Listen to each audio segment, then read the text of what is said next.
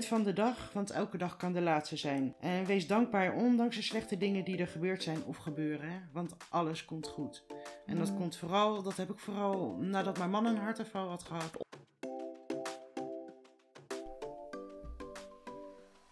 Hi strijder, welkom bij de Open Up with Alice podcast. Mijn naam is Alice van der Zalm, maar Alice klinkt zo lekker.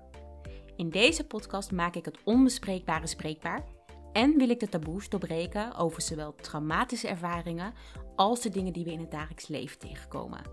Ik neem je mee in mijn reis en ook in die van andere strijders om jou te laten zien dat een droomleven voor iedereen mogelijk is. Ook al ben je met 5-0 achterstand in het leven gestart. Met de juiste tools en mindset kan je alles bereiken. Vandaag zit ik bij een hele bijzondere podcastgast. Dat is namelijk Liek de Kanne. En Liek betekent heel veel voor mij doordat ik heel veel met haar heb meegemaakt. Welkom bij de Open op het Alice podcast. Leuk dat jij weer luistert naar een nieuwe aflevering. Zoals net al aangegeven zit ik vandaag met Liek de Kanne. En hoe ik Liek ken, en daar wil ik eigenlijk wel heel graag mee beginnen voordat ik Liek het woord geef. Maar Liek is voor mij een pleegtante geweest, officieel. En we zijn eigenlijk vriendinnen geworden. Dus enerzijds is ze een vriendin en anderzijds is ze een soort van familielid voor mij.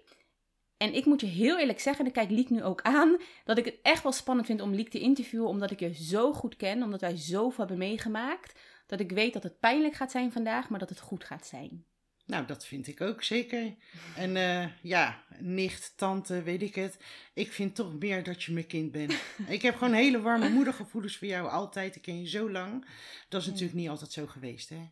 Nee, in het begin. Nou, allereerst is het wel grappig, in het begin mocht je mij niet zo, hè? Nee, ik vond je raar, raar en een beetje achterbaks misschien. ik ben ook een beetje achterbaks. nee, je was gewoon heel onzeker, denk ik. Ja, ja je, je hebt mij echt leren kennen. Ik was volgens mij, ja, weet ik veel, acht of zo? Tien? Nee. Nou, misschien nog wel jonger trouwens, Nou, allereerste keer. Je was nog wel jong. Ja, ik was inderdaad heel erg jong. En ehm, op een gegeven moment, inderdaad, toen ben ik bij jouw broer gaan wonen en zijn nou, toenmalige vrouw toen en hun dochter. En toen ben je echt mijn pleegtante geworden. En het is grappig, want wij hebben altijd discussies met elkaar dat jij zegt, ik ben je moeder. En ik zeg, dat ben je niet. maar dat is omdat ik, eh, ik niet zo, ik heb niet zoveel positieve eh, herinneringen aan mijn eigen moeder. Dus ik hoef niet per se een nieuwe moeder. Eh, maar ik wil Dat gewoon, is logisch. ik wil een leak in mijn leven. En die heb ik. Nou, deze leak, alias moederachtig, wil jou de hele wereld geven. Dus ik heb ik. alles voor je over. En daarom voel ik me ook zo. Ja, en daarom vind ik het ook bijzonder dat ik hier vandaag zit. Want kijk, ik wil jou interviewen omdat wij heel veel hebben meegemaakt met mijn ex, die mij heel erg heeft mishandeld, bijna heeft vermoord, waar jij nou ja, onderdeel bent van geweest, tenminste onderdeel. Ja. jij hebt daar een, een stuk in gespeeld en dat is waarom ik jou wil interviewen om ja, ook aan de luisteraar echt de andere kant te laten zien. Dus hoe is het voor iemand die naast iemand staat die mishandeld wordt? Mhm. Dat is mijn reden dat ik jou wil interviewen. Maar wat is voor jou de reden dat jij zegt, joh Alice, ik sluit aan bij deze podcastmicrofoon? nou ja, dat is vooral omdat jij het mij gevraagd hebt. En ik alles voor jou wil doen. Wat ik maar kan doen om jou verder te helpen in het leven. En ik hoop dat als mensen dit horen, eh, dat ze dan weten dat het Mm. het beste is om gewoon te praten over alles. En vertrouwen te hebben in andere mensen. Niet Ja. in iedereen, maar Ja, nee, zeker, zeker niet in iedereen. nee. Maar dat vind ik, weet je, dat is een boodschap die ik ook altijd uit, eh, uitstraal. Praten is krachtig. Echt waar, praten is helend, praten is verbindend. Praten is in mijn ogen de key. Dus mooi dat jij dat ook Zeker te zegt. weten. Mooi. We gaan er gewoon meteen eh, induiken. Ehm, ik ben best, ik heb het zei het net al, maar ik ben best zenuwachtig. Ik vind, vind het heftig om het hierover te hebben. Maar ik ga wel meteen in de kern duiken. En dat is, nou, allereerst, ik wil even beginnen. Ik ben ongeveer vier jaar natuurlijk met mijn gewelddadige ex geweest. Eh, heel veel momenten meegemaakt van eh, lichamelijk, eh, psychisch, maar ook seksueel geweld. Maar de situatie die ik ga omschrijven is de situatie op de dag dat mijn ex besloot dat hij mij wou vermoorden. Hm. Dat, dat wou hij vaker. Ja, Ehm, maar dat is de dag geweest dat ik ook heb aangegeven: het is goed. Je mag mij van het leven beroven. Ik ben er klaar mee. Ik kan niet meer vechten. Dat is de Mhm. dag dat ik besloot om bij hem in de auto te stappen, zodat hij mij nou ja, van het leven kon beroven. Maar dat is ook de dag geweest dat ik jou heb gebeld. En mag ik jou vertellen of jij mij, of ons, hè, de luisteraar ook kan vertellen, hoe, hoe, hoe herinner jij dit moment, deze dag? Oeh, nou, ehm, ik weet dat jij mij op een gegeven moment belde. Het was al donker buiten. En jij vertelde me eigenlijk dat het afgelopen was en je nam afscheid van mij. En ik, afscheid? Wat afscheid? En je zei, hij gaat me vermoorden. Ik krijg nu aan denk weer helemaal kippenvel. Mhm. Maar ik, eh, ik denk, wat de fuck gebeurt er nou? Ik was helemaal in paniek. Ik, ik denk, wat moet ik doen? En het enige wat ik eigenlijk op dat moment kon doen, was contact zoeken met jouw vader. Ik weet zelfs niet eens meer hoe ik het gedaan heb. Ik weet wel dat hij opeens bij je voor de deur stond. Mm. Ik heb hem ge-sms of gebeld. Ik, ik weet niet eens hoe ik aan zijn nummer kwam, maar goed. En ik zei, je moet nu naar Alice toe, want ze gaat dood. Hij gaat haar vermoorden. Ga er nu naartoe. En toen hebben we opgehangen. Ik denk dat we gebeld hadden. En, en toen stond hij bij jou voor de deur. Ja. Waarschijnlijk was dat op het moment dat jij zei van... Ik ga nu eh, ophangen, want ik ga instappen. En toen stond jouw vader al voor de deur. Je was ook nog naar je vader gelopen Ja, om klopt. afscheid te nemen. En om hem te bedanken. Mm. En toen stapte je in de auto. Ja. En je hing ook met mij op. En je reed weg. Ja, ik, ik krijg ook kippenvel. en het is zo grappig, want ik heb dit zo vaak besproken en toch wel ook emotioneel. Maar dat Mhm. komt omdat jij voor me zit. En omdat ik dit allemaal met jou heb meegemaakt. Maar ik weet het ook, ik weet dat ik afscheid nam van jou en van mijn vader. En jij en mijn vader waren voor mij op dat moment de belangrijkste mensen. ehm, omdat ik niemand anders had. ik had geen vriendinnen, ik had verder geen familie. Dus ja, eigenlijk de twee belangrijke mensen voor mij. En voor, eigenlijk was jij de belangrijkste, want bij jou was ik volgens mij echt bijna dagelijks. Ja. Ja, dat, was inderdaad heel, heel erg, eh, heel erg pittig. Want dat weet ik ook nog, dat ik op een gegeven moment met jou heb opgehangen om bij hem in de auto te stappen. Ja. Ja, we weten allemaal wel hoe het is afgelopen, want ik zit hier nog steeds. Maar Gelukkig. ja, om toch heel even kort samen te vatten. Want ik denk niet dat iedereen mijn aflevering 2... Aflevering 2 uit mijn hoofd is de aflevering waar ik hier meer over vertel. Maar uiteindelijk ben ik in de auto gegaan van mijn ex. En was ik echt na een paar minuten had ik al het besef dat ik dacht van... Ja, ik wil eigenlijk helemaal niet dood. Ik wil toch nog vechten voor mijn leven. Ik ben gewoon die strijder. Ja. En toen ben ik echt psychisch met hem het gevecht aangegaan. Want hij was, nou ja, dat weet je ook, hij was vrij grof, groot, een, een beetje stevig. Mhm, dus- Zeker. Lichamelijk had ik niet van hem kunnen winnen, Nee. toch? Nee. nee. Je had nog geen vechtsporten geoefend en zo. Dus... Nee, hij wel. Ehm, dus ik ben toen psychisch het gevecht met hem aangegaan. ehm, ben gaan praten. Heb alles gezegd wat hij maar wou horen. En toen heeft hij me uit de auto gegooid. Dus dat is hoe ik eigenlijk heb eh, ja, overleefd. Hoe ik, heb, eh, hoe ik heb gewonnen van hem. Ja, misschien was hij ook wel bang, want hij wist dat jij tegen mij had gezegd. En je vader reed Ja. achter jullie aan. Ja, ja, die waren we snel kwijt. Want hij had een hele snelle auto. Mijn vader had een bus. Maar ik denk wel dat al die dingen bij elkaar wel hebben, hebben geholpen. Ja, gelukkig maar. Ja, ik ben wel benieuwd, want kijk, we praten nu over deze situatie. Het is een heftige situatie. Het was voor mij heel erg heftig. Ik heb eigenlijk in die momenten geen eens gedacht, ja, hoe is het dan voor Liek? Ik was eigenlijk alleen met mezelf bezig. Maar ik kan me voorstellen dat jij je toen heel erg machteloos hebt gevoeld. Klopt dat? Ja. Ja, ik zat natuurlijk al in een zware thuissituatie en zo. Veel problemen en gedoe. Ja. En wat ik al zei, jij was heel snel toen je bij mij over de vloer kwam, dagelijks vanaf school, in de pauzes. Je werd zo belangrijk voor mij en ik herkende veel in jou, dus ik, ik wilde jou nooit kwijt. En op dat moment leek het alsof ik Mm. jou kwijt ging raken. En het leek alsof mijn hart in het midden brak gewoon. ja. In duizend stukjes. Ik denk van, ik was bang. Ik was heel, Ja. heel erg bang. Ik voelde me machteloos. Maar ik denk dat de angst toch echt de overhand had. De angst om jou kwijt te raken. Was je ook, was je ook bang voor hem, of niet? Nee. Ik denk, Hmm. kom maar op, ik sla je zo in elkaar. Ja. En ik denk dat hij dat ook wel wist. Want op de momenten dat ik hem zag, zeg Mhm. maar, heeft hij nooit een ongetogen woord, Nee. een blik of wat dan ook naar mij gedaan. Want hij wist dat hij dan echt de wind van voren zou krijgen. Hij zou mij niet zo makkelijk eh, onder Ja. de tafel krijgen. Ik denk dat hij dat heel goed wist, want jij bent ook de enige persoon geweest bij wie ik jaren over de vloer kwam. Ik had verder ehm, ja, eigenlijk niet echt vriendinnen. Daar heeft hij wel voor gezorgd dat ik niet meer met mensen om kon gaan. En de ene kant moet ik wel eerlijk zijn, is dat ook goed geweest. Want voor hem ging ik een beetje met aparte vrienden om. Dus het is misschien goed geweest dat die wel weg zijn gevallen. Maar ook nieuwe vriendinnen, gewoon leuke vriendinnen, die waren zeker niet welkom in het leven toen ik met hem was.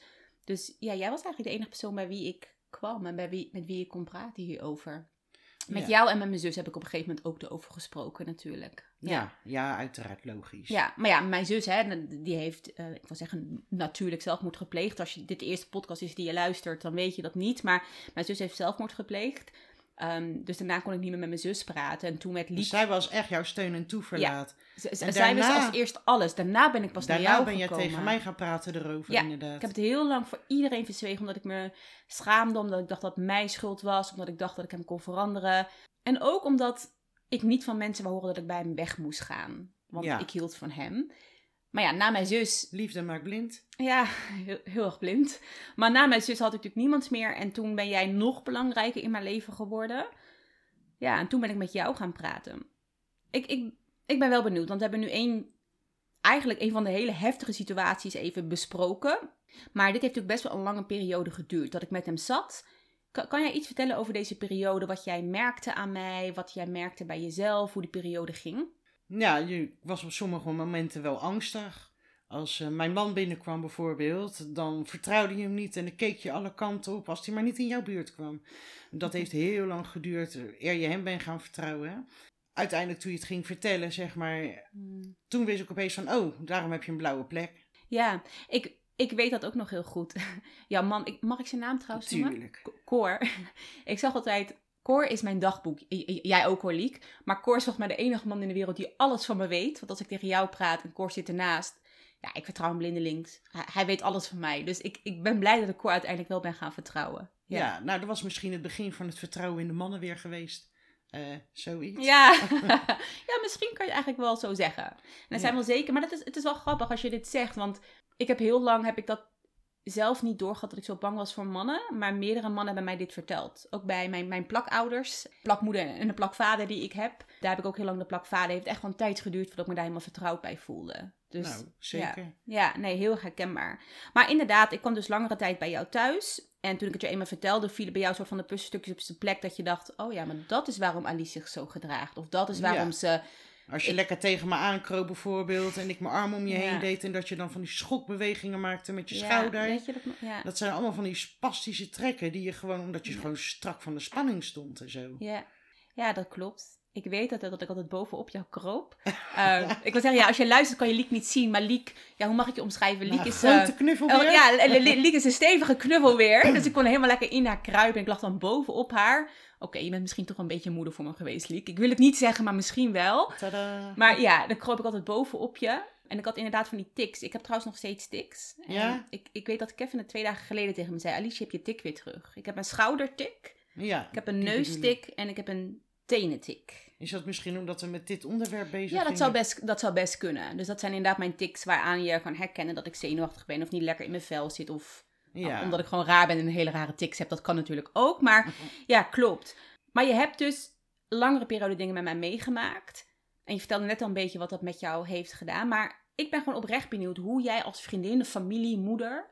Hoe heb je al die maanden, jaren eh, meegemaakt? En wat heb jij gedaan om mij te helpen? Ik probeerde er gewoon vooral voor je te zijn.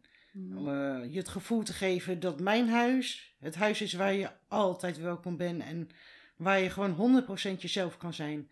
In die situatie met hem probeerde ik juist niet tegen je te zeggen van ga weg bij hem want hij is slecht en dit en dat, het maakt je kapot. Ik heb het wel eens tussen neus Ja. en lippen door gezegd, maar nee, ik probeerde er vooral voor jou te zijn. Dat je een veilige plek had waar je naar terug kon. Weet je dat ik het precies zo heb beleefd? Nou, daar ben ik erg blij. Ja. Het was een balans. Het was een balans dat je zei dat hij een sukkel was, want dat was hij ook. En een balans dat je er gewoon voor me was en luisterde. En ik altijd bij jou welkom was. En, ja, en, en ik was altijd bij jou welkom. En niet om daar nu heel diep op in te gaan, maar jij en ik hebben een andere, ja, hoe moet je dat We hebben zeggen? gewoon een hele diepe vertrouwensband. Ja, we hebben een diepe vertrouwensband, maar we hebben ook een ander soort van leven. Als je ons ziet, denk ik, hoe we eruit zien, totaal anders. We zijn Onze- heel anders. Ja, onze financiële situatie is heel anders. Zeker. En toevallig hadden we het net, want eigenlijk voordat we gingen opnemen hadden we een gesprek met elkaar. En toen zei ik tegen jou dat ik het zo bijzonder vind dat, ook al is er weinig geld bij jou thuis en heb ik een andere financiële situatie, jij nog nooit aan mij geld hebt gevraagd. Jij nee, nog een beetje nooit, raar. ja, maar jij ook nog nooit moeilijk hebt gedaan. Je altijd mij eten gaf en nog steeds geeft trouwens. En dat ik me echt altijd bij jou gewoon echt, ja, gewoon alsof ik bij familie kwam. Gewoon als ik bij je kwam, en, Liek, ik heb honger. Of eh, bovenop je kroop. Ik wist gewoon dat ik bij jou 100% mezelf kon zijn. Op dat moment voel je gewoon aan als mijn kleine meisje.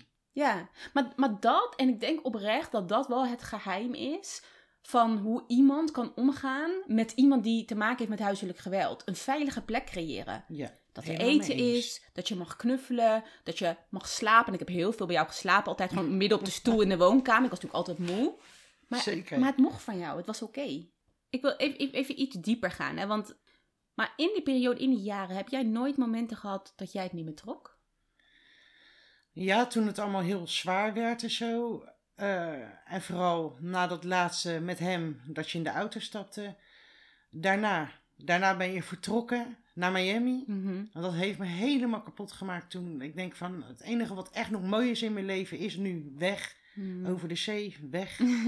En dat heeft me heel veel moeite gekost. En toen heb ik ook echt een burn-out gekregen. Ben ik vier jaar echt van pad af geweest. En Mhm. dat kwam natuurlijk niet alleen door jou, nogmaals. Ik had een, een rot situatie eh, Ja. in ons huishouden. Ja. Maar, mag, dat- ik, mag, ik, mag ik iets, mag ik kort Tuurlijk. samenvatten over je huishouden? Uiteraard. En anders knippen we het uit als je het niet je prettig mag vindt. alles zeggen. nee, maar dat is misschien even goed om te vertellen. Ehm, je hebt zelf een hele pittige jeugd gehad. Ja. Eh, een hele nare vader. En ik denk dat het heel lief uitgedrukt is als ik dat, eh, als ik dat zeg. Een hele lieve moeder, maar een hele nare Een vader. hele nare ja, vader. waar je heel veel trauma's aan hebt overgehouden. Je hebt ook heel veel lichamelijke en psychische klachten natuurlijk zelf meegemaakt. Ja. Eh, nog steeds. Is, Nog is, Het, is het voor jou best zwaar, ook lichamelijk, dat je veel pijn hebt natuurlijk. En ook met jouw, ja, ik, weet, ik weet niet hoe ik ze mag noemen. Ik wil zeggen je kinderen. Het zijn natuurlijk niet, je, het zijn niet je bloedkinderen, maar Op dat moment Ja. waren het gewoon mijn ja, kinderen. het zijn de dus- kinderen van je man. Dus ook, ook jouw kinderen Ja, heb je natuurlijk ik heel heb ze altijd veel... opgevoed, dus eh, Ja, dus het zijn gewoon je kinderen. inderdaad. En daar heb je ook heel veel, eh, heel veel mee meegemaakt. Ik denk dat dat even kort samengevat is. Dus dat je in een situatie zat waar het eigenlijk bij jou... Ja, eigenlijk stond je ook altijd aan. Je was altijd wel continu bezig om, om, om te strijden, om te zorgen dat alles goed ging. Om jezelf bij elkaar te rapen, om te zorgen dat je kinderen goed kwamen. En toen kwam Alice nog eens bij met heel veel problemen. En ik denk dat dat er bovenop, als ik het zo mag samenvatten... dat het bij jou even wel even een beetje te veel was. Ja, misschien was dat de laatste druppel. Ja. Dat, dat zou kunnen. Ja. Ja, ik denk dat dat best wel een druppel geweest zou kunnen zijn. Maar ik denk dat de situatie rondom de kinderen, zeg maar, dat was gewoon zo extreem. En alle stress en alles. Ja. Ja, dat kwam er gewoon inderdaad bij. Ja. En het was natuurlijk niet het eind van alle problemen in mijn leven. Nee, zeker. Ja, daarna ben ik gewoon echt heel diep gegaan. En, en, en wat heeft er dan voor gezorgd dat jij toch er altijd voor mij was? Omdat ik van je hou, 100%. Ik zie in jou mezelf. Ook al zijn we heel anders, ik Ja. zeg het vaker, maar ik zie in jou mezelf.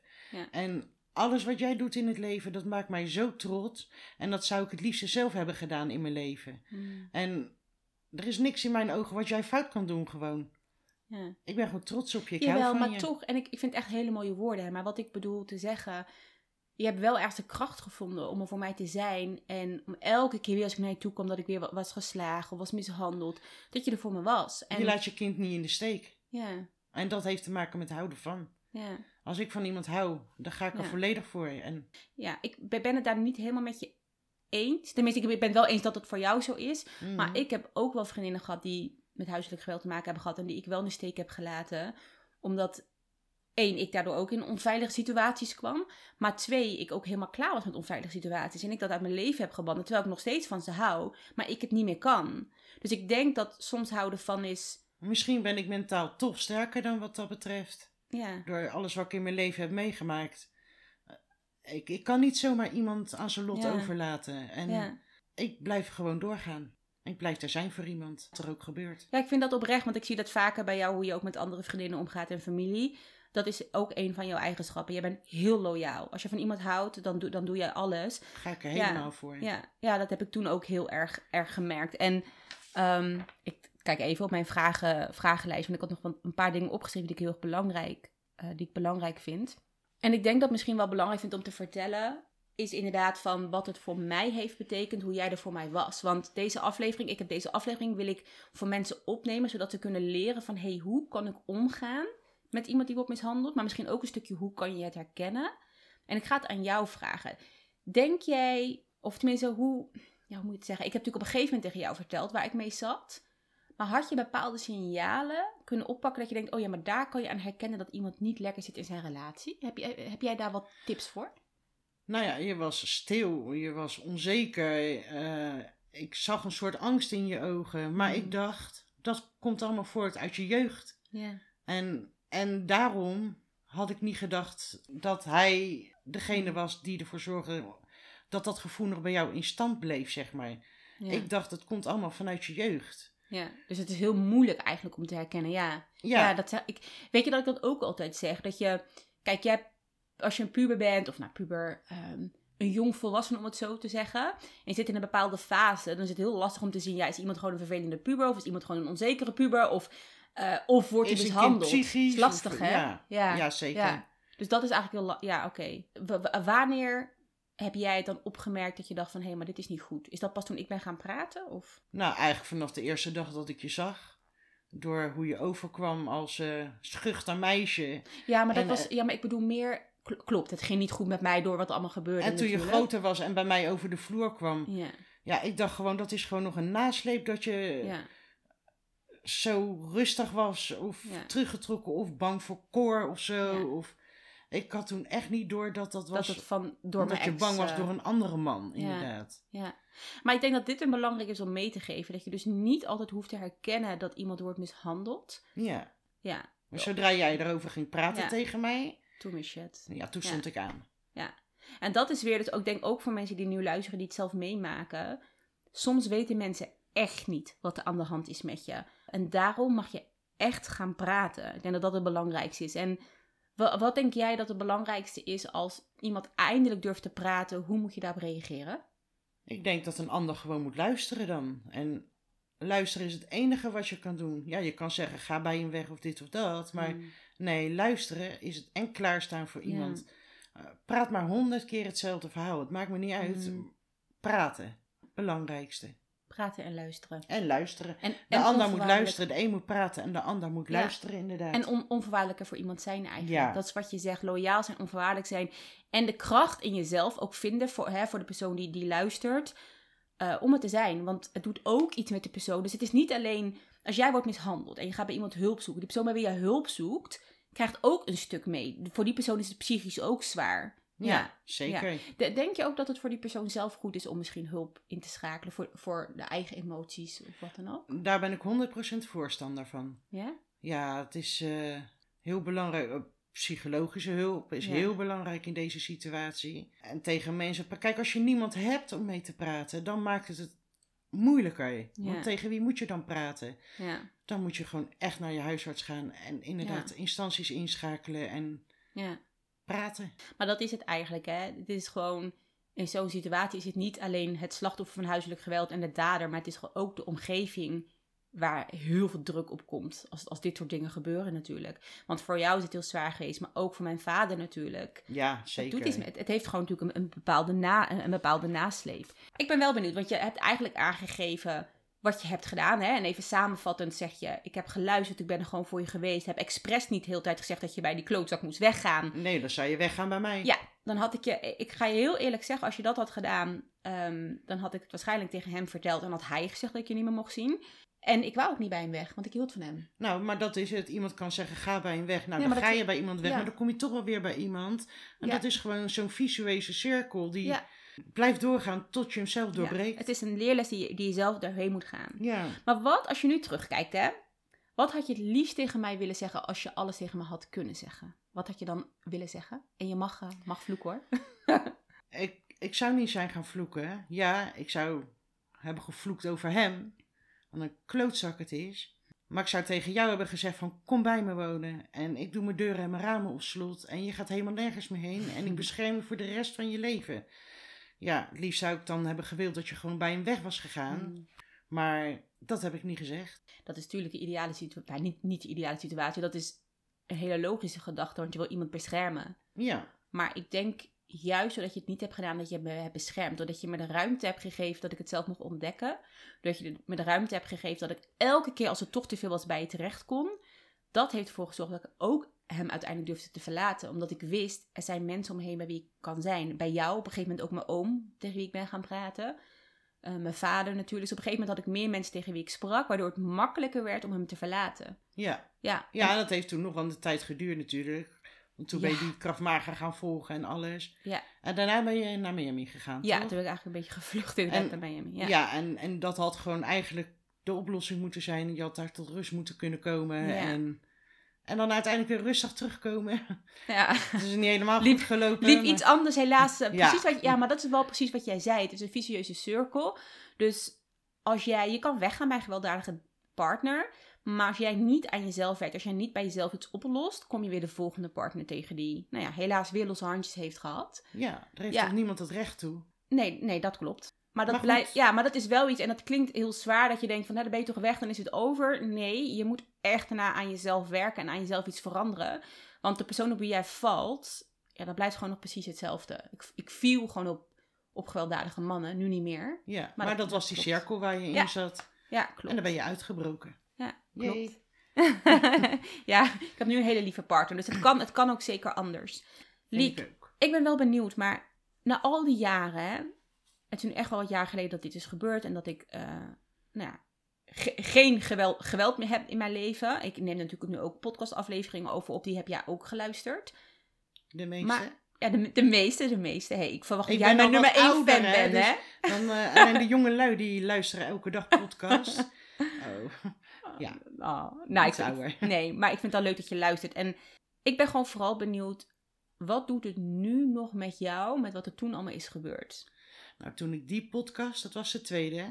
Ja, volgens mij wel. Ja, toen ik die had geluisterd, nou, toen herbeleefde ik het helemaal. En ik had echt niet door dat het nog zo diep zat bij me. Ik heb heel hard moeten huilen. En nu Ja. kan ik er met je over praten zonder te huilen. Ja, Omdat het gewoon nog één keer terug is moeten komen, zeg maar, om te verwerken. En, en als ik dan nu kijk naar je, hoe je gegroeid bent en hoe sterk je bent, wauw, daar zijn gewoon geen woorden voor. Maar dat zelf, jaren later heb je eigenlijk hetzelfde als ik, dat je, als je dan toch weer aan terugdenkt, dat het toch weer iets met je doet. Dan denk ik, als het bij mij al Ja. zoveel teweeg brengt, jeetje, wat moet Ja. het dan bij jou teweeg brengen? Ja, En dat vind ik moeilijk. Want ik wil niet dat je dat gevoel nog hebt. Moet je zelf oplossen Ja. natuurlijk. het is mooi dat je dat zegt en dat, is, dat heb je vaker nu in, deze, in, deze, in dit interview gezegd. Maar het ligt altijd bij de persoon zelf. Alleen ik kan bepalen of ik wegga. Alleen ik kan bepalen of ik mezelf heel. Dat, dat ligt allemaal bij ja, mij. Je kan in een slachtofferrol zitten Ja. of je kan strijden. Ja, En jij bent een strijder. goed gezegd, Liek. ik heb je goed opgevoed. Ja, nee, jij bent echt een klopt. strijder. Ja, dankjewel. Dankjewel. Ik heb nog wel een vraag aan jou. En voor de vaste luisteraar, ik stel altijd bij elk interview altijd een eindvraag. Omdat ik de gast altijd de ruimte wil geven om drie leerlessen mee te geven aan jou. Ik geloof dat iedereen vanuit zijn eigen leven, leven en vanuit zijn eigen ervaring leerlessen heeft waar ze, waar ze heel veel uithalen. En dat we deze met elkaar mogen delen. Dus ja, Liek, ik zie dat je je telefoon erbij pakt, dus dat is goed.